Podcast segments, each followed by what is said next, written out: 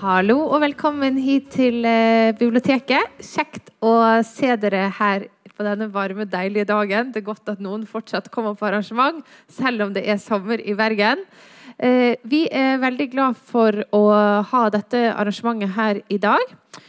Vi skal snakke om korona og omsorgsarbeid i et klasseperspektiv. Vi får se hvordan samtalen utvikler seg.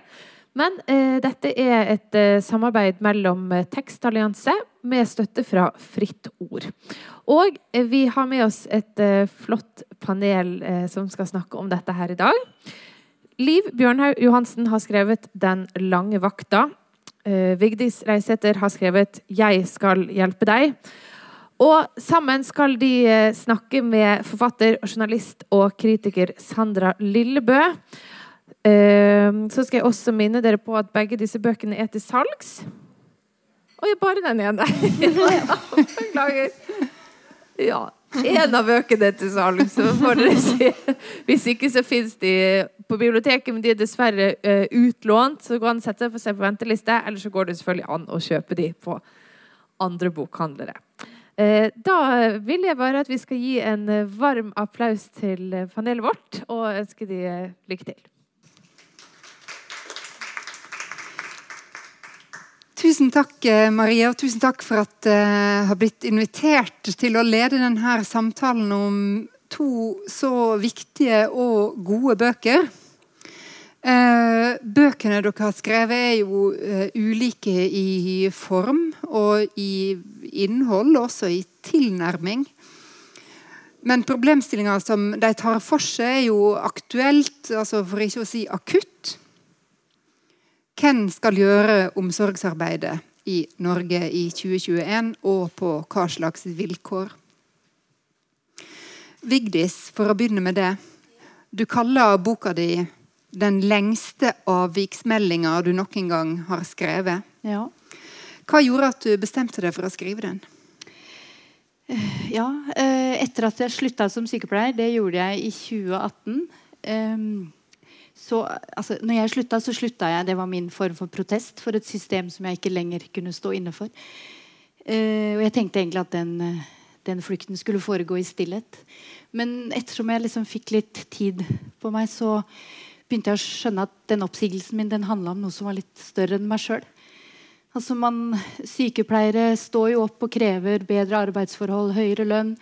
Men det er veldig sjelden man hører sykehjemspasienter fortelle om sin hverdag. Eh, og jeg følte at de fortjente en stemme. De fortjente at noen eh, kunne beskrive hva som kan skje mm. på norske sykehjem. Jeg satt jo inne med ganske mange historier, ganske mange erfaringer. Eh, på godt, men veldig mye var på vondt også. Det er en skyggeside der ute som jeg tenker at fortjener å se dagens lys. Mm.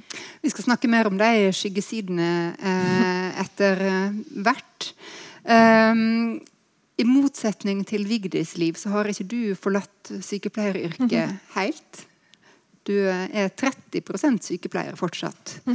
Eh, kjenner du det likevel igjen i den frustrasjonen som, og den ja, fortvilelsen som, som Vigdis beskriver? Eh, ja, det kan jeg nok gjøre. Men nå jobber jeg i spesialisthelsetjenesten, og Vigdis eh, jobber i kommunehelsetjenesten. Og jeg må si at også hva skal jeg si, min følelse av akutthet endret seg. Jeg begynte å skrive denne boka, endret seg med de intervjuene jeg gjorde fra kommunehelsetjenesten. Så føler jeg jo at der brenner det på en annen måte enn det gjør i spesialisthelsetjenesten. Ja, Kan du utdype det litt? Hva... Eh, ja, um, det var en som anmeldte begge bøkene våre sammen i Morgenbladet. Og hun skrev at i Vigdis sin bok så ser hun en beskrivelse av altså pasienter som virkelig ikke får den omsorgen de skal ha. Mens i min bok altså, jeg, jeg, har jo også gjort intervjuer fra kommunehelsetjenesten, men i min hverdagen jeg beskriver det fra spesialisthelsetjenesten. Og ja, vi sliter oss i hjel, men vi får jo stort sett gjort det innen forsvarlige rammer. Og vi får stort sett gitt pasientene det de skal ha. Selv om ikke, mange ikke har måte, noe krefter når de har kommet hjem fra jobb, så føler jeg at vi stort sett holder oss innenfor forsvarlighet. Men i kommunehelsetjenesten så er det helt umulig å gjøre en ordentlig jobb, tror jeg. Mm. Bare liksom for å, for å, få det liksom helt tydelig for folk som ikke kjenner uh, sykepleieryrket like godt som ja. dere. så Når vi snakker om spesialisthelsetjenesten, så snakker man stort sett om sykehusene. Eh, mens man, når man snakker om eh, kommunehelsetjenesten, så snakker man veldig ofte om sykehjemmer og eldreomsorgen. Ja, er det riktig? Hjemmesykepleie. Hjemmesykepleie. Mm. Primærhelsetjenesten. Ja. Ehm, nå begynte vi jo veldig mørkt, egentlig. Men uh, dere skriver i bøkene deres begge to uh, om hva som gjorde at dere ønska å bli sykepleiere uh, i utgangspunktet. Kan dere fortelle litt om det? Ja, eh, jeg skulle jo selvfølgelig ikke bli sykepleier. Det er det jo ingen sykepleiere som skal. jeg kom fra en familie med mor, mormor, tanter. Alle er sykepleiere. Og jeg skulle bli skuespiller. Eller dramapedagog. Eh, men så hadde det seg sånn at eh, min mormor hun eh, falt, og så brakk hun kragebeinet. Da var hun par og 90 år eh, og blei veldig pleietrengende. Og så I påvente av en sykehjemsplass så måtte vi i familien lage en sånn rulleringskabal for å ta vare på henne. For hun klarte det ikke sjøl, og da måtte jeg ta noen vakter. Ehm, og det gikk eh, helt fint å mate og sånn, men eh, plutselig så skulle jeg dusje min egen mormor. Altså jeg følte Tørke henne ved toalettbesøk. følte jeg gikk inn i en sånn privat sfære som overhodet ikke jeg skulle være. Men som gammel sykepleier så uh, altså Hun så den blygheten min og så sa til meg Vigdis, du kommer til å se meg naken og du kommer til å måtte tørke meg bak. Jeg er ikke blyg, det skal ikke du være heller. Og da, altså, Hun veileda meg og viste meg vei der jeg famla. Og så mm, Ved å hjelpe henne så bare oppdaga jeg hvor fantastisk det var. Eh, og hvor, hva det gjorde med meg å få lov til å være en brikke i hennes prosess mot å bli bedre. Og når hun, var fem uker på sykehjem, kom tilbake og hadde tre måneder igjen i leiligheten sin før hun gikk bort. Og da flytta jeg mer eller mindre. Jeg bodde jo på Grünerløkka, levde studentlivets dager. Så flytta jeg på en måte inn til henne og fikk lov til å stelle henne de tre månedene. Og det var på en måte Ingenting har gitt meg så mye. Det var en følelse jeg ikke kan kunne beskrive. Og så når hun gikk bort, så var jeg helt sånn Ante ikke hva jeg skal gjøre. Jeg søkte etter noen form for mening. Altså, hun døde 12. mars. Samordna opptak har frist 15. april, tror jeg. Og midt mellom der så fikk jeg en sånn aha-opplevelse som Herregud, menneske, det er jo sykepleier du skal bli. Du fikk et kall. Ja, jeg kaller det et kall i boka. Jeg liker også kanskje å kalle det en aha-opplevelse. Det var jo bare sånn selvfølgelig At det går an å jobbe med noe som på en måte kan frembringe den følelsen der, det er eh, Har ikke angra siden. Jeg synes det er interessant dette her begrepet om eh, kall. Når Ja. man snakker om eh, sykepleieryrket. Og jeg tror at eh, kan, kanskje at dere kan være litt uenige i det noen ganger. Men for det, Liv, så begynte sykepleierkarrieren mer som en protest, egentlig. ja, kanskje du kan kalle det Jeg kalte det kontorkløe, som jeg gikk og kjente på. En slags sånn eksistensielt ubehag. Ved, jeg, da var jeg, en master i kulturhistorie. Og jobbet egentlig med jobber som ser kule ut på papiret, men det handlet veldig mye om å sitte foran datamaskinen og vente på at noen skulle svare på e-poster, eller skrive artikler som kanskje ikke noen kommer til å lese i det hele tatt, men som kanskje betyr noe for min karrierebygging. da. Så jeg kjente på en sånn, der, ja, sånn eksistensiell kløe, liksom. Og så den der følelsen av å liksom dra ungene opp av senga og kaste de i barnehagen og løpe for å rekke toget, og så komme på kontoret og ingenting haster. Ingen kommer til å merke om du ikke gjør noe av dette. Så jeg gikk og kjente mye på det. Så jeg hadde en, eh, en niese Dette skriver jeg litt om i boka, jeg skal prøve å gjøre det kort nå. Men i hvert fall eh, som eh, var litt sånn Hva skal jeg bli når jeg blir stor? Så kjente jeg at jeg råda henne veldig til å bli sykepleier. ut av det helt vet hvor det kom fra. Og så etter at jeg hadde liksom argumentert veldig godt for det, så spør hun meg Hvorfor søker ikke du, da? Ja, da var jeg 30 år, og vi hadde to små barn akkurat kjøpt hus, og mannen min tjente ingen penger. Og så kjente jeg at jo, jeg må det! så det var egentlig helt impulsivt. Og jeg tror, når jeg snakket med andre og fortalte om det, så prøvde jeg på en måte å rasjonalisere det litt som at ja, ja, men kanskje jeg kan pense forskningskarrieren min inn på helsevesenet. At det vil føles mer, mer, mer øh, vesentlig. da, Sånn at jeg på en måte vil liksom lindre den kontorkløen litt. Det var vel litt sånn jeg rasjonaliserte det for mine sjokkerte akademikerforeldre. Men når jeg kom ut i den første sykehjemspraksisen, så hadde jeg litt den samme aha-opplevelsen som Vigdis fortalte. hvor jeg kjente jeg bare det var en helt annen måte å leve på. Altså det å få lov til å hjelpe disse gamle, skjøre, slitne menneskene i seng. og liksom Bare vaske folk på ryggen. Og jeg husker jeg hadde en pasient som hadde, Man får liksom utdelt en sånn primærpasient da, som du skal forsøke å få hull på liksom, som eh, sykepleierstudent. Og hun jeg hadde hun hadde hatt flere slag, hun kunne ikke snakke, men hun var allikevel veldig bestemt på hvordan hun skulle ha ting. Så det å klare å dekode hennes eh, språk, ordløse språk, da, det var som å kunne bruke en hel lag på å skjønne at ja, når hun sier det, det er de rosa sokkene som ligger helt bakerst i skapet, og lage en lapp sånn at alle andre som kommer inn til henne, ikke trenger å gå gjennom de tre kvarterene med å forstå at det er de rosa sokkene hun vil ha på seg når hun skal sove. Og kunne gjøre de tingene for henne. Jeg var helt sånn, det føltes som helt sånn, sånn jeg, I boka beskrevet som en sånn åtte uker langt dopaminkick. Jeg kjente det som bare sånn, en helt annen eksistens. Jeg husker Mannen min sa kan vi snakke om noe annet enn gamle damer. Og jeg bare nei! det er det eneste som betyr noe. Det kjentes veldig sånn at da, Etter det så så jeg meg liksom ikke tilbake. Um, ja, Da fullførte jeg og kjente at jeg på en måte bare hadde lyst til å jobbe at, ja, Det kjentes så, så, veldig riktig å bare gå den veien. Mm. Jeg har lyst til å, at vi skal fortsette litt der. fordi altså, Det du beskriver, det er den typen arbeid, eh, men den typen sånn eh, nitidig interesse for eh, helt vanlige, i gåseøyne ubetydelige mennesker, er jo en, et, et aspekt ved tilværelsen som er man kan si eh, ytterst lite fremelska ellers i, i, samfunnet og eh, i offentligheten. Ja, det er morsomt at du sier. Jeg husker jeg var veldig sånn magnet på hjelpesøkende folk da jeg var sånn i tenårene. For det kom folk til meg, og sånn alkoholikere skulle snakke. Og jeg syntes alltid det var veldig vanskelig å forvalte alt det der. og oppført som en veldig sånn ubehagelig situasjon. På en måte vil man hjelpe, men man kan ikke, eller man tør ikke, man er redd for. Men de der hvite klærne fratar deg på en måte det private ved omsorgen. At du er der som en sånn eh, hva skal Jeg si, jeg skriver i boka at jeg liksom låner ut kroppen min til en eller annen sånn allmenn humanistisk eh, mesterkjærlighet. Da, som gjør mm. at du kan involvere deg i mennesker på en så utrolig mye mer intim måte enn du gjør eh, som sivilist. Mm. det er på en måte en sånn litt sånn overskridende rolle, hvor du på en måte utsletter deg selv som person, men får mm. ta del i eh, som representant for alt det fine ved mennesker. Ja, ja. Det må jo du ha erfart også, når du gikk over fra å pleie mormora di og til å pleie helt ukjente mennesker. Ja, Eh, og det fremkalte jo Selvfølgelig var det jo spesielt med mormor, men, eh, men, det fremkalte den samme følelsen. Det å få lov til å være den avgjørende brikken i noens sykdomsforløp.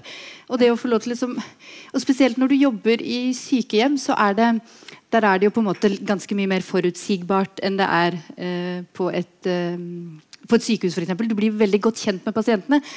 Og den der, som du snakker om, å knekke de kodene. Det å liksom vite akkurat hva du skal gjøre for at uh, Magda på 304 får en bedre dag. Du vet at hvis du klør Arne på ryggen i en eller i fem minutter før han skal stå opp, så forhindrer du kanskje et angstanfall. Altså, det er så mange ting, og du blir så godt kjent med det. Og det å liksom knekke alle de kodene og få være den brikken, det er, mm. det er jo egentlig ganske fint at, kan, at, det kan være en jobb. Det, ja. Det man, ja. Ja. Så det er det, Men altså, når, når, jeg hører dere snakke nå, så, så, så, kjenner jeg jo at det blir litt sånn Wow, det her er et yrke som finnes. Uh, men det er jo faktisk over 100 000 sykepleiere uh, i Norge. Hvorfor er sykepleierhverdagen så lite kjent? Hvorfor vet vi så lite om det? Det er et veldig interessant spørsmål. Når bøkene våre kom eh, nå, vi var nesten samtidig, så er det første sånn, sakprosa for liksom, allmennmarkedet som er skrevet av sykepleiere i Norge. Det er skrevet mye fagbøker, selvfølgelig, men sånn sakprosa for allmennmarkedet. Mens hvis du ser på legene, så er det jo hyllemeter, eller psykologene. De fyller jo sikkert en egen avdeling her. Det er veldig interessant. Det er det. Men jeg tror nok det trekk ved sykepleierrollen som er litt sånn usynliggjørende og avindividualisert, på en måte. Og så er det også sånn at det er eh, Sykepleiere er redde for å ytre seg, og det har de jo ofte grunn til å være også. Det er mye sterke sånn lojalitetsplikt fra arbeidsgiver, og det er taushetsplikten som gjør det litt vanskelig, som gjør folk blir litt utrygge om å snakke. Mm. Men det, det, er noe mer enn det, fordi det er, det er veldig rart. Ja, hva tenker du, Vigdis? Nei, jeg tenker jo at Vi snakker jo altfor lite om det. Og det er jo sånn eh, Jeg har fått en del tilbakemeldinger fra folk som har lest boka mi. Oi, ja. er det sånn hverdagen er? Nei, gud, det visste jeg ikke. Og spesielt det med er pasientgruppa så kompleks? Gud, altså Hva dere står i altså folk, eh, Jeg har liksom alltid tenkt Når jeg har jobba på sykehjem, så tenkte jeg alltid å herregud, nå, man vet så lite om Man kjenner hverandre som privatperson, men man hadde lært så mye mer om hverandre dersom man hadde sett eh, hverandre på jobb. fordi du er liksom, Der er du et helt annen, annen person, gjør ting så Jeg har alltid tenkt at man burde få lov til å være flue på veggen hos folk på jobb. og det, det, føler jeg jo nå kanskje med bøkene våre at folk får være. da, Litt flue på veggen i sykehjem og sykehus. Ja, det kan jeg bekrefte. Jeg synes også det har vært interessant For jeg tenkte når jeg skrev den boka, også forlaget var veldig opptatt av at det skulle være ikke, altså Sykepleiere var egentlig ikke primærmålgruppen, men alle de som lurte på hva som foregikk der inne. Men det er jo veldig mange sykepleiere som har lest og som skriver liksom altså, som bare er så glad for å lese. Jeg tenkte at det kanskje ville være litt kjedelig for dem å lese fordi det er ting de står i, og er på en måte såpass fortrolig. Jeg føler ikke at jeg ja. Men som er så glad for at det blir formulert. At du forteller 'dette er min historie' også. Liksom. At det er så mange som blir glad bare for at det blir satt ord på. Nettopp fordi det er fortalt så lite. Mm. Ja. Folk er jo veldig glad i å lese opp seg sjøl. Ja, så... egentlig primært det. det er i hvert fall det. Men eh, for begge dere to så ble jo hverdagen som sykepleier eh, etter hvert også ganske annerledes enn det her idealet som dere gikk rundt med, og som dere hadde forestilt dere. Og Sykepleierutdanningen innbefatter jo mye praksis. Allerede det første semesteret er man ute i praksis. Ble dere aldri i løpet av studiet forberedt på hva det var som møtte dere i jobben? Vigdis? Eh, altså, man, altså man, man, vet jo veldig godt at det er hektiske hverdager. Det er man fullt forberedt på. Man vet uh, at man skal at Vi er jo utdanna til å prioritere det viktigste først. Uh, men det var ingen som Det jeg ikke var forberedt på, det var den følelsen. Uh, det var å få så dårlig samvittighet over alt jeg ikke rakk. som sagt, vi er utdanna til å prioritere. Men hva skjer med de du prioriterer bort? Mm. Eh, de som da ikke faktisk får det de har krav på fordi du må være et annet sted som, hos noen som trenger deg mer. Jeg ble ikke rusta til å takle den følelsen det var å liksom løpe forbi den demente dama i gangen. Hun som hadde angst, eh, hun som egentlig bare trengte tida mi, oppmerksomheten min, men jeg måtte løpe forbi. Og når jeg løp tilbake, så sto hun fortsatt der og gråt, og jeg hadde ikke mulighet til å gi av det jeg visste var den beste medisinen, én-til-én-kontakt ta henne på rommet, skjerma for alle de andre. Jeg måtte kanskje ende opp med å gi henne en pille som roa ned. Og det strider jo imot alt som er god sykepleie. Eh, men veldig ofte så er det det man ender opp med å gjøre. Og den følelsen var jeg ikke rusta Den var det ingen som hadde forberedt meg på. Jeg visste at det var hektisk, men eh, ja, så jeg tenker kanskje at eh, man burde være litt mer obs på det òg. At det er Når du prioriterer noe, så er det også noe du prioriterer bort. Mm. Mm. Jeg tror det som skjer i den overgangen da, mellom student og ansatt, er også det altså, På studiet så lærer du på en måte hele tiden å sette pasienten først. Det er pasientens behov som skal forme dagen. ikke sant? Og, og, det du gjør inne hos pasienten, skal springe ut fra det pasienten vil. Det ligger liksom helt i si, ryggraden til sykepleieryrket. Og så har de også, og fra offisielt hold, helseminister som fremmer hele tiden pasientens helsetjenester. Eh, og så lenge du er student, så kan du operere på den måten. Men når du begynner å jobbe, så merker du ganske raskt at det er ikke pasienten som har rammene.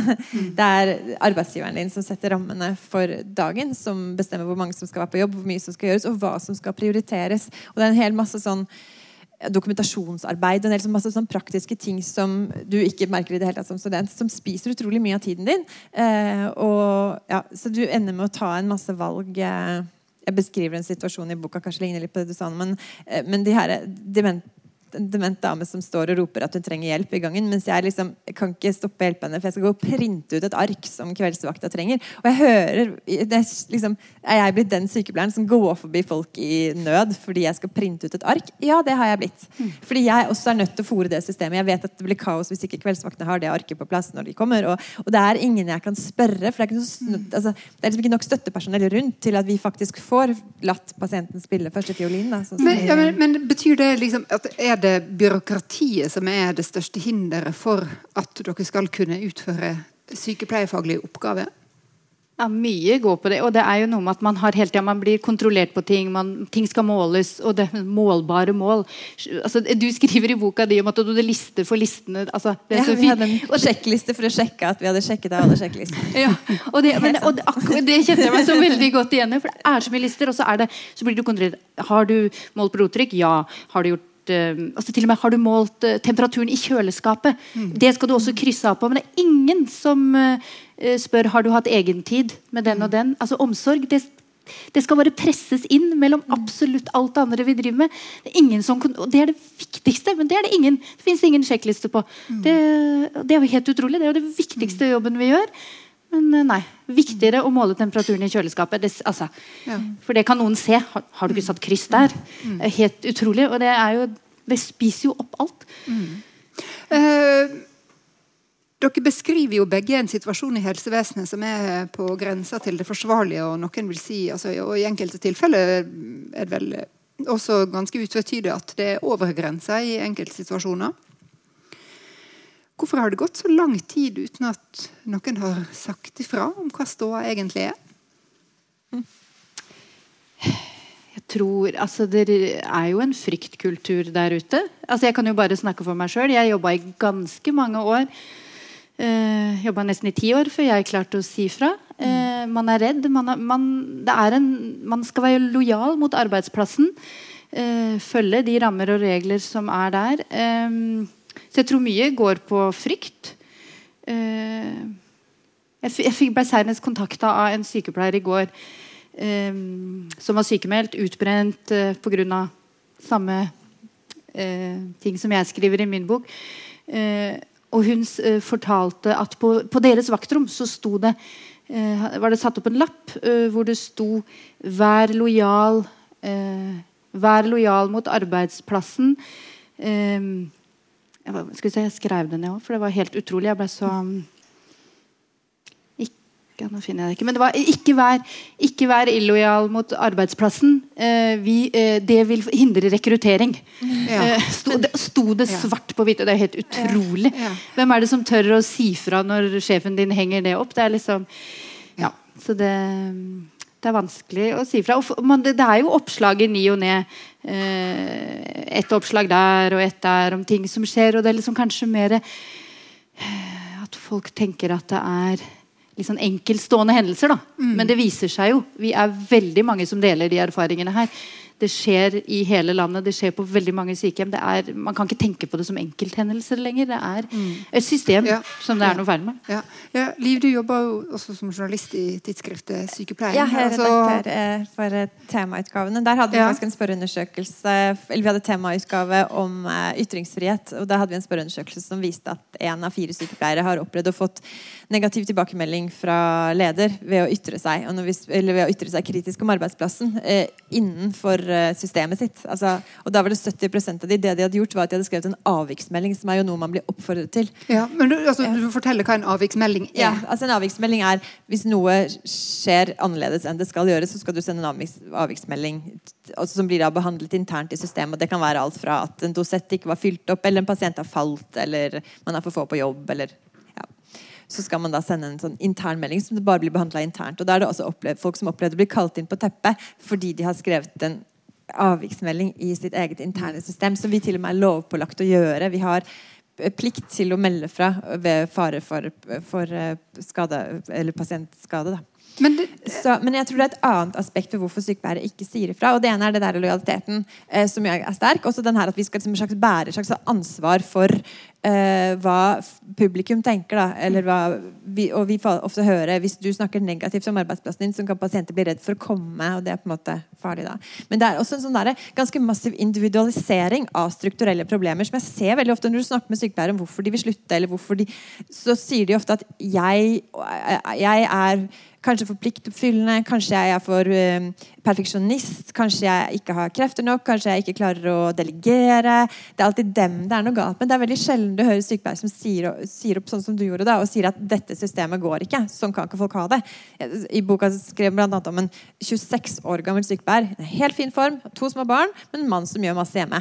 Når ikke hun orker å stå i en 80% stilling fordi hun er så sliten når hun kommer hjem fra jobb at hun ikke orker å gjøre noe med barna, da er det ikke hun som er problemet. Men det er det hun tenker. Hun må finne seg et roligere sted. Da, så da ender vi med på en måte å søke oss videre istedenfor å ta et oppgjør med den strukturen som gjør at det ikke fungerer. Da. Men jeg synes jo det er interessant det dere sier det om ledere, og at f.eks. ledere, avdelingsledere på sykehus eller, eller på sykehjem, at de ikke vil at sykepleierne eh, skal si fra. Altså, man kunne jo tenke seg at det var i deres interesse at eh, folk fikk vite at institusjonene ikke fungerer, slik at de skulle få de midlene som var nødvendige. Opplever jo veldig mye at eh, mange ledere sier ikke det gjelder for alle, men mange ledere har sin lojalitet oppover. Hvor jeg tenker at de definitivt burde ha den nedover, altså mot uh, sine ansatte, og ikke minst mot, uh, mot uh, pasientene. Ja. men det, altså når man, jeg opplevde jo Jeg meld, turte jo ikke å melde så mye fra. Jeg skrev veldig få avvik. Det angrer jeg jo veldig på i dag. Det er derfor jeg kalte boka mi 'Den lengste avvik' nå. Jeg skrev, jeg håper jeg hadde veid litt opp for det. Mm. Men det var jo nettopp det at ja, ting ble bagatellisert, og man kunne få beskjed om at ja, men syke, å jobbe sykehjem er ikke for alle, kanskje man skal finne seg en annen jobb. Mm. Når man blir møtt med sånt, da, mm. eh, da, altså, da resignerer man etter hvert. Og så, altså, fokuset ligger jo hele tida på å gjøre det beste for pasienten. og Da på en måte lukker man seg litt inn i det, og så gjør man bare jobber litt hardere. da, Går ikke på do, altså presser seg litt hardere for å liksom prøve å få gjort best mulig for pasienten. Mm. Men jeg tenker sånn, Det å skrive avvik det er jo det verktøyet vi har. Um, sånn at uh, Jeg liksom, kan liksom ikke få sagt nok, selv om jeg da var dårlig til å gjøre det sjøl. Selv om man må liksom bare fortsette og fortsette å gjøre det. Fordi det det er et av de verktøyene vi har. og jeg tenker sånn, Vi er jo plikta som sykepleiere eh, til å gi god og forsvarlig pleie. Eh, og når vi ikke sier fra, eh, så svikter vi jo på en måte det faget eh, vi er utdanna til å utføre. Så det, ja. det er jo ikke fair overfor noen å ikke si fra. Det er jo også alltid, altså Mennesker venner seg jo til det utroligste. Og det er jo også en fare ved at man Det var også noen av disse tingene jeg har skrevet i boka som jeg synes er på en måte helt trivielt, og ting vi gjør hele tiden, som jeg har ført folk utenfra som ikke har noe bekjentskap med helsevesenet, blir veldig sjokkert over. Så, okay. Som, Gi noen eksempler. Nei, akkurat nå kan jeg ikke få noen eksempler. Men jeg har jo ofte sånn eh, i sykepleien i redaksjonen, når vi går gjennom nyhetsstoff og sånn, så kommer det en eller annen sånn lokalavis hvor ja, det var en pasient som hadde blitt glemt på do, sitte tre kvarter på do. Så tenker jeg sånn, Det har jeg sikkert gjort tre ganger i livet mitt mitt og glemt ja. folk på do. Fordi du følger noen på do, så skjer det 100 andre ting som du bare må ta.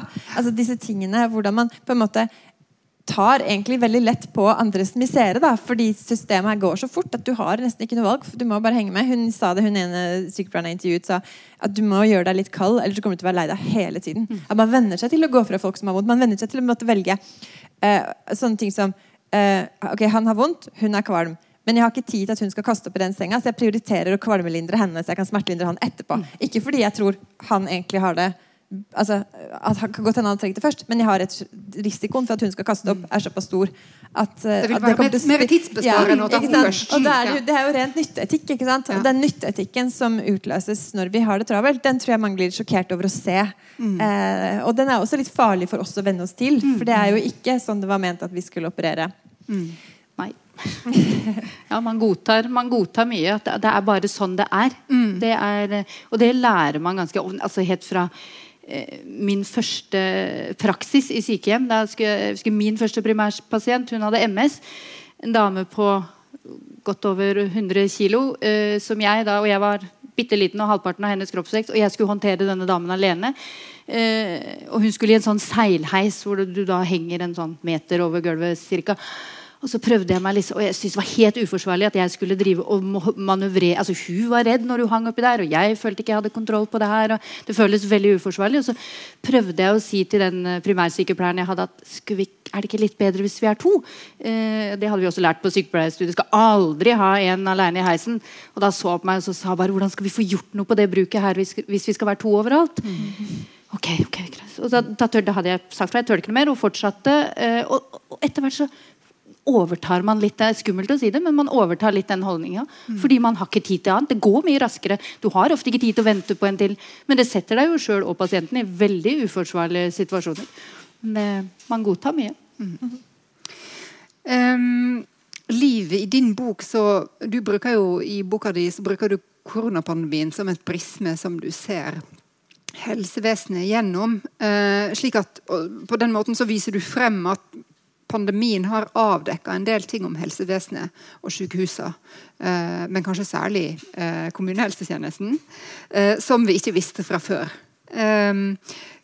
Hva slags svakheter i det norske helsevesenet var det som først og fremst viste seg da pandemien brøt ut? Det ble jo veldig tydelig at vi ikke klarer å bemanne helsetjenesten vår med våre egne folk. Altså, vi har en vedvarende sykepleiermangel som bare blir verre og verre. Som vi har kompensert ved å hente inn vikarer utenfra. Eh, og Som betyr de- fra utlandet. Som betyr fra utlandet. Når de spanske, danske, svenske, islandske, finske vikarene, som vi er helt avhengig av det, Jeg tror Riksrevisjonen gjorde en undersøkelse for i 2016 sånn, hvor de fant at det er ikke en eneste intensivavdeling i Norge som er drevet fullt bemannet med intensivsykepleiere. med egne intensivsykepleiere. Enten har de vika utenlandske vikarer, eller så har de folk som ikke egentlig har den riktige opplæringen til å jobbe der. Um, det ble veldig påfallende. Og så var det også veldig tydelig hvordan det var ingen ekstra ressurser. Det er ingen beredskap på den måten at noen, når det dukker opp et nytt problem, et nytt behov, så er det ingen til å løse det. Da måtte man stenge ned. Så den første nedstengningen, som var jo veldig dramatisk, man stengte ned alt av planlagte operasjoner på det sykehuset jeg har jobbet på. Så det, vil si, det er jo ikke sånn at det bare er kosmetiske operasjoner. Det er jo alt som var planlagt. Mange av dette er, det er jo alvorlig syke mennesker som venter på viktige operasjoner, som ble bare stengt ned nesten på dagen. Fordi man måtte bruke de operasjonssykepleierne, anestesisykepleierne, som intensivsykepleiere, som de egentlig ikke har kompetanse til, for å kunne bemanne opp og gjøre, gjøre seg klar til å ta imot de koronapasientene. Eh, og så ble det jo også veldig tydelig at man ikke hadde fantasi til å tenke seg at det kunne oppstå et plutselig behov for veldig mye smitteutstyr. Eh, og det spesielt i, i spesialisthelsetjenesten, altså på sykehusene, så tror jeg det var veldig få som opplevde å gå helt tomme. Men i kommunehelsetjenesten så gjorde de det. Og det er jo sånne helt grelle eksempler fra kommunehelsetjenesten hvor de hadde ingenting. Eh, og, det, og andre steder hvor Hva var det de gikk tom for, da, eksempel? der gikk de tom for munnbind, frakker. Det er eksempler på folk som har blitt bedt om å ta søppelsekker og klippe hull til armene og bruke som smittefrakker. Eh, og kommuner gikk ut i, på Facebook og annonserte og spurte hvis folk hadde liggende Hvis f.eks. håndverkere eller privatfolk hadde liggende munnbind, hansker så de ikke trengte, så er de veldig glad hvis man leverer inn det. Og det for altså, bare to måneder før hvis noen hadde, altså, Det var jo sånn jeg jobbet i kommunehelsetjenesten, og folk har kommet med sånn kanskje utstyr etter en avdød. Så har vi sagt eh, tusen takk, og så har vi kasta det med en gang de har snudd ryggen til. For det er uaktuelt å bruke smittevernutstyr som du ikke vet opphavet Fordi det til. egentlig ikke er forsvarlig. Ja, fordi det er ikke Ja. forsvarlig. Mens nå skulle man ta imot det en rørlegger hadde hatt i kjelleren i, eh, i et halvt år. liksom. Eh, så, eh, så det var ehm, så åpenbart at vi på en måte hadde bare akkurat de ressursene til å så vidt holde det gående. Mange av de jeg har intervjuet, det var liksom sånn refreng som gikk igjen både hos de jeg intervjuet på sykehuset og i kommunehelsetjenesten. Og det var, vi var slitne før dette starta. Det var liksom ingenting å gå på. Og så kommer alt dette her på toppen, da, som, som gjør at eh, at, folk har, at vi måtte stenge ned så mye, og, og folk har fått altså, så ekstreme arbeidshverdager mange steder. Også steder hvor de ikke har hatt en eneste koronapasient. Ja. Men, så, så det var mangel på alt, rett og slett. Det var mangel på, på uh, utstyr, det var mangel på ressurser, det var mangel på folk. Ikke minst var det mangel på folk. Eh, men sykepleiere som skrev kronikker, det ville man ikke ha. Vigdis. Nei, det Nei. vil de ikke. Eh, når koronaen kom til Norge, så søkte man jo etter sykepleiere. Da hadde jo jeg eh, ikke jobba på et år. Men i, i den dagen Oslo kommune søkte etter sykepleier, så meldte jeg meg eh, på sidene deres. Så skulle jeg var selvfølgelig beredt på å ta på meg uniformen igjen. Og den jobben jeg hadde da, eller som jeg har nå, som ikke er forankra i helsevesenet, de var beredt på å gi meg permisjon, og de var kjempestolte for at jeg hadde lyst til å bidra. Så tok det kanskje en knapp uke, og så ringte de fra en helse- og omsorgstjeneste i Oslo. Eh, og lurte på om jeg kunne jobbe. Beskrev et kjempeakutt behov. Eh, hvor mye kunne jeg jobbe? Ville helst at jeg skulle jobbe 80, nei, 100% men hvis jeg bare kunne jobbe 80, så var det helt supert. Hva tjente jeg nå? Eh, det var snakk om å kompensere for lønn. altså Sånn hører man jo ikke i, helse, i kommunehelsetjenesten. Så det var helt tydelig at behovet var veldig stort. Eh, eh, ja, og så skulle de ha referanser. Eh, og jeg har, hadde til, har til den dags dato aldri fått noen dårlige referanser. Så jeg oppga mine referanser. Eller jeg spurte mine referanser om de kunne være referanser, og den ene sa ja, eller alle sa ja, og den ene sa ja. Men da er det, må jeg bare si at det er naturlig for meg å eh, nevne en kronikk som du skrev i 2018. fordi når jeg slutta som sykepleier, så skrev jeg en kronikk om uverdige forhold i eldreomsorgen. Og så sa jeg ja, ok, ja, du må jo gjerne nevne den. Men jeg forsto liksom ikke helt hva det skulle ha med meg om hvor god eller eventuelt dårlig jeg var som sykepleier. Men jeg sa selvfølgelig, hvis du vil nevne den, så må du selvfølgelig gjøre det. Og hun sa den kan telle positivt, men den kan også slå veldig negativt an. Sa ok, sa jeg, men du må bare nevne. Og så går det noen dager, og så får jeg beskjed fra denne omsorgstjenesten vi har ikke behov for sykepleiere lenger. Eh, og den kronikken blei nevnt, og ja.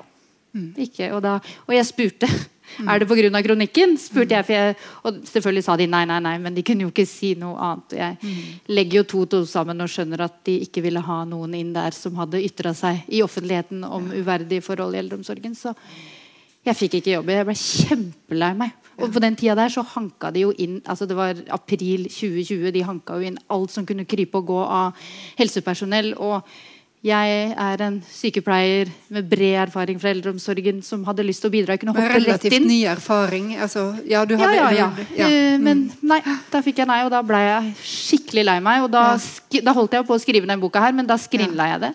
Eh, for jeg tenkte hvis en kronikk kan gjøre at jeg ikke får jobb, hva skal en hel bok gjøre da? Så da Mm. bare lukka jeg Mac-en og så ikke på det manuset på noen måneder. Eh, men så kom den der kampfilmen at fader heller her, Vi kan jo ikke la oss stoppe. Vi kan jo ikke slutte nå. Nå er det jo viktigere enn noensinne å skrive ferdig den boka og si fra.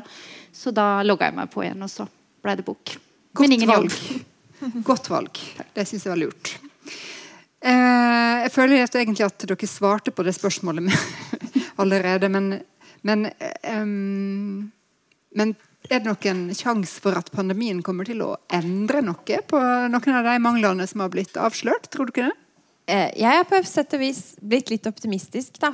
Eh, og det skyldes eh, særlig det med det ytringsrommet som har oppstått. Og jeg tror, jeg tenker litt på dette her.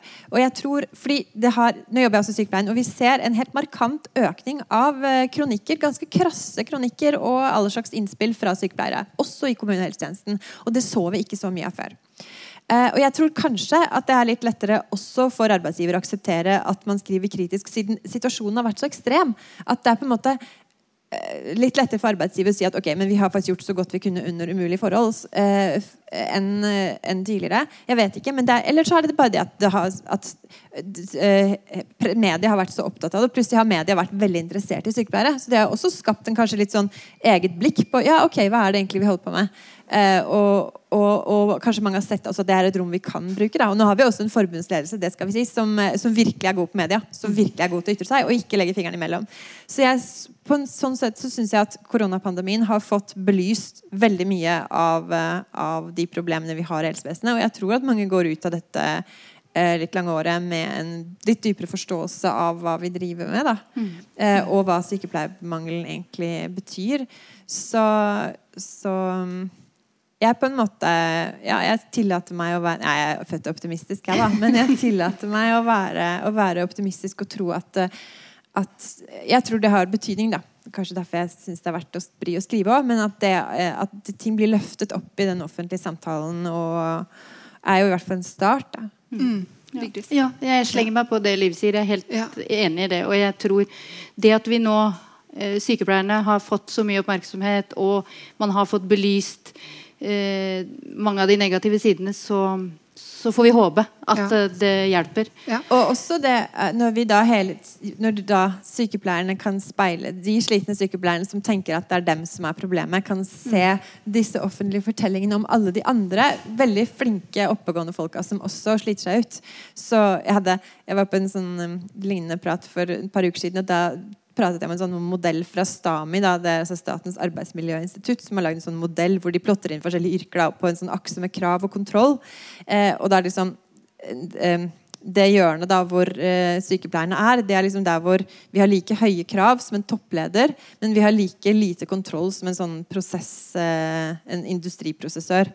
Eh, og hun sa, når jeg tegnet så kom bort til meg etterpå, sa hun den prikken, det er meg. Hun kjente seg liksom så, Hvordan sykepleierne hele tiden blir trykket ned i det hjørnet som da Stami kaller eh, belastende arbeidssituasjon. Da, med veldig, veldig høye krav og veldig lav kontroll. Uh, og det at folk kan kjenne seg igjen og se at det er systemet, det er den prikken som arbeidsgiverne faktisk er med på å dytte lenger og lenger ned i det hjørnet, det er ikke dem. Det tror jeg også kan bidra til at, eh, til at man får en endring nedenfra. At man kanskje slutter å finne seg og, slutt, og ser at, at man alle Fordi alle kan jo påvirke arbeidsplassen sin hvis man eh, ikke tenker altså Hvis du tenker at det er du som er problemet, så gjør du jo ikke det, for da trekker du deg bare unna og slutter eller får en annen jobb eller bare gir etter. Ja. Men det er jo også interessant, fordi at dere beskriver jo på sett og vis eh, altså en ytringskultur blant sykepleiere sjøl, der, altså, der sykepleierne sjøl legger veldig mye lokk på, eh, på hva man tenker. Altså at, at, at eh, Hva jeg skulle si at eh, ja, at man, det blir på en måte Pasientene blir viktigere, eller helsevesenet som helhet blir på en måte viktigere. Og ens egen arbeidssituasjon er Ja, den blir jo nesten eh, sekundær, på en måte. Fordi Ja. man, eh, man skal Man setter jo man setter jo pasienten først. Det gjør man jo alltid. Og det, mm. den lojaliteten man har til arbeidsplassen. Og jeg, jeg, liksom, det har liksom gått opp for meg Det, det gikk liksom opp for meg at jeg, lojaliteten min går jo i feil retning. Jeg var jo på vei til å tilfredsstille systemet og være lojal mot ledere, men det er jo ikke de jeg skal være lojale mot. Jeg skal jo være lojal mot yrket mitt og det jeg er utdannet til, og først og fremst pasienten. Eh, og det var jo da jeg kom fram til at jeg måtte slutte. Det var liksom på en måte akkurat det var den eneste løsningen jeg fant, fordi jeg kunne ikke stå innenfor et system som ikke eh, jobber for pasienten. Eh, Jobber mot. Men Liv, tolker jeg det rett i det? Altså, hvis dette, for du mener at den ytringskulturen er i ferd med å endre seg nå? Kanskje som følge av pandemien? Eh, ja, jeg tror det. Jeg tror det. Vi ser. Nå valgte jeg, når jeg gjorde disse intervjuene, så valgte jeg veldig tidlig å gjøre de anonyme. Fordi eh, eh, vi, jeg, altså jeg ser jo hele tiden i sykepleien når journalistene våre er ute og gjør intervjuer, så er det veldig ofte at de får et godt intervju, og når sykepleieren leser gjennom selv, så trekker de seg. Fordi hvis det er noe kritisk til arbeidsgiver der, så tør de ikke stå inne for deg. Så jeg valgte å gjøre intervjuene mine anonyme. Eh, og jeg har brukt ganske mye tid på å få de helt anonymisert også. Og kjent at Jeg har liksom både altså Jeg har vært redd for at de skal kunne bli avslørt, men når jeg leser gjennom, så ser jeg at de forteller jo bare om arbeidshverdagen sin. De sier ikke engang noe altså, eh, Men jeg tror det har endret seg. Jeg, jeg, jeg, eller som sagt så er jeg optimistisk, da. Men, eh, men jeg tror eh, Jeg, jeg syns helt tydelig å se at, eh, at vi har mer meningsytring. Mm. Eh, og at ja.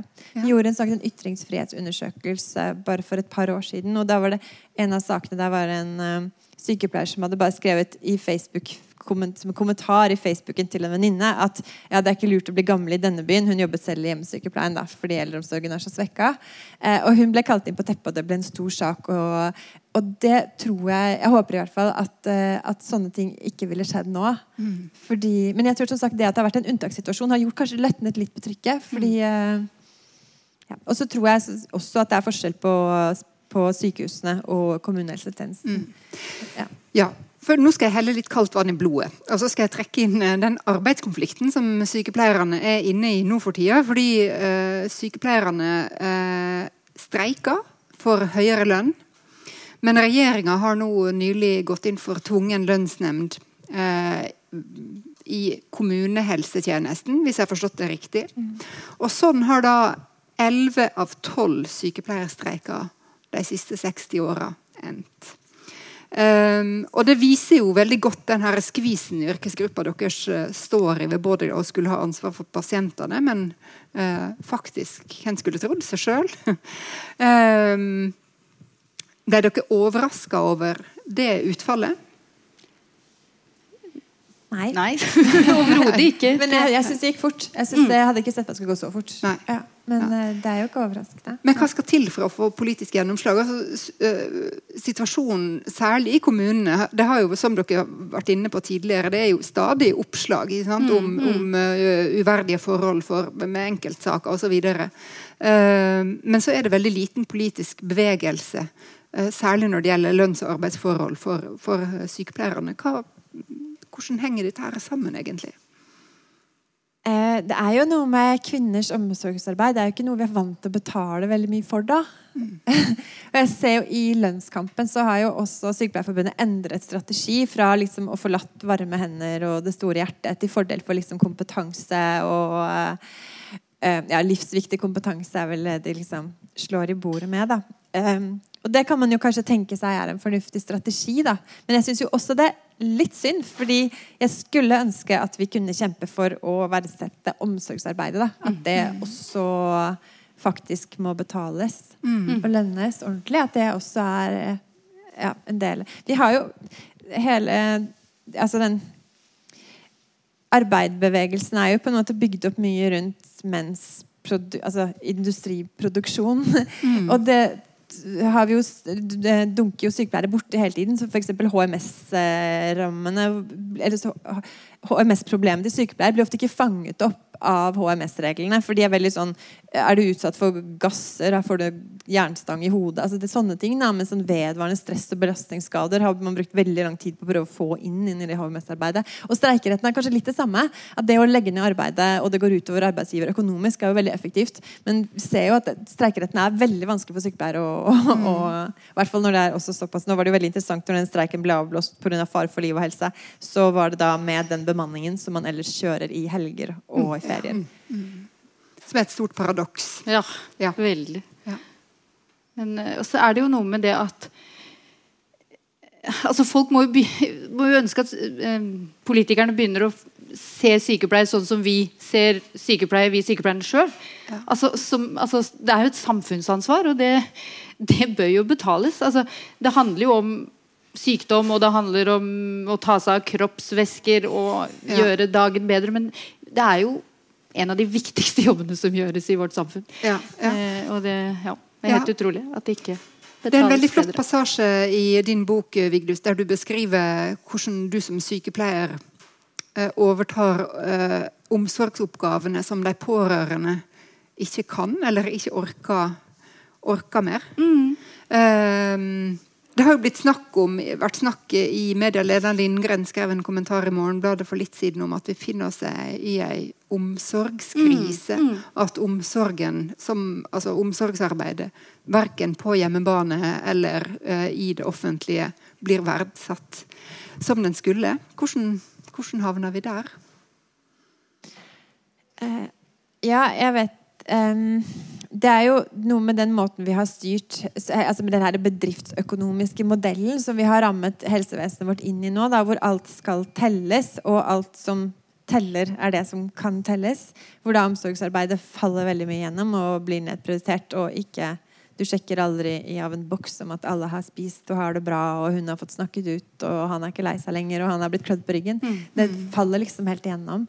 Um, Det blir jo liksom bare tatt som en selvfølge. Noe vi skal drive med eh, innimellom. Altså Det blir liksom ikke gjort til noe viktig. Det skal bare Nei. gjøres innimellom alt det andre. Mm. Eh, og den or- omsorgsbiten, den er jo, den er jo virkelig Mm. noe av det viktigste. Og jeg tenker Statistikken sier at 80% av eh, alle på sykehjem er demente. Den, og den, den er godt over det når du jobber ute på gulvet. Mm. Ja. Og de trenger eh, Selvfølgelig trenger de medisinsk oppfølging, og alt, men de trenger tida vår. Mm. Eh, de trenger oppmerksomheten vår, og den er så mye mer verdt enn 1000 medisiner til sammen. Men det er det ikke satt av tid til. Eh, det tar tid å drive én-til-én-kontakt, personsentrerte personsentrert demensomsorg. Det krever masse tid, og den tida har vi ikke. Mm. og når vi etterspør den, så får vi den ikke fordi vi skal drive med sjekklister og for ditten og datten. Og ja, det er så nedprioritert. Det er helt utrolig. Og det er jo det disse menneskene trenger. Blant mye annet. Ja. Så ja. Sånn som jeg forstår dere, så vil det viktigste enkelttiltaket for, for helsevesenet og generelt, men eldreomsorgen eh, spesielt, vil være om å øke grunnbemanninga. Altså øke antall sykepleiere på jobb, som er et krav som deres fagforeninger har framsatt eh, i mange år. Eh, og dette her vil jo innebære en betydelig økonomisk kostnad. Har samfunnet råd til å ansette så mange sykepleiere som dere ønsker? Vi driver jo og leier inn vanvittig fra eh, bemanningsbyråer. I min bok så opererer jeg med tall på at vi i 2018 brukte 1,1 milliarder kroner, som jeg fikk fra ditt blad, eh, på å leie inn vikarer fra bemanningsbyråer. Jeg tror det kan vel nesten si at det tallet har kan det ganske, Jeg innbiller meg at jeg leste oppdaterte tall, at det har økt enda mer. Eh, Sånn at eh, det er jo penger Hvis vi ikke leide inn fra bemanningsbyråer, hvis vi kunne heller bruke pengene på å øke grunnbemanninga, lage fulle, hele, faste stillinger, eh, så ville man komme en god vei. Altså vi mangler eh, 7000 sykepleiere. Ja. Eh, sånn Det er, 7000, altså, det 7000 ubesatte stillinger. Ja. Det, og i 2035 er det regna til å være 28 000, så det er jo en reell krise her.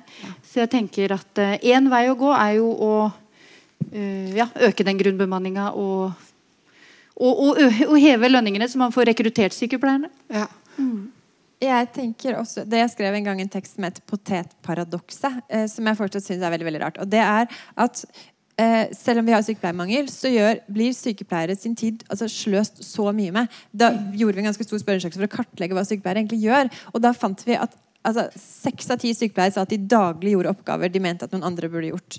Eh, og når det kuttes eh, i pengene i kommunene, for eksempel, så, eller også på sykehus, så kutter de ofte i støttepersonell. For på Ullevål så har de nå kuttet i bioingeniøren, sånn at sykepleierne skal gå og ta blodprøvene det tar bare fem minutter. Men det tar fem minutter og fem minutter, og fem minutter, og fem minutter, og så skal det settes lapper på alle. Altså det er sånn, Så mange oppgaver som sykepleiere gjør. Og det er virkelig alt fra eh, administrere forskningsprosjekter for legene til å skifte lyspærer i bøttekottet. Altså det går altså så utrolig mye av sykepleier sin tid med på ting som, ikke, som hvem som helst andre kunne gjort. Og kanskje mange hadde kunne gjort mye bedre også. Men det, sykepleieren har en sånn derre eh, magnet for all, altså alle uløste oppgaver i hele helsevesenet. Altså På alle nivåer. Helt fra liksom gulvvasken og opp til, eh, til tunge administrasjonsoppgaver. Mm. Fylles av sykepleiere.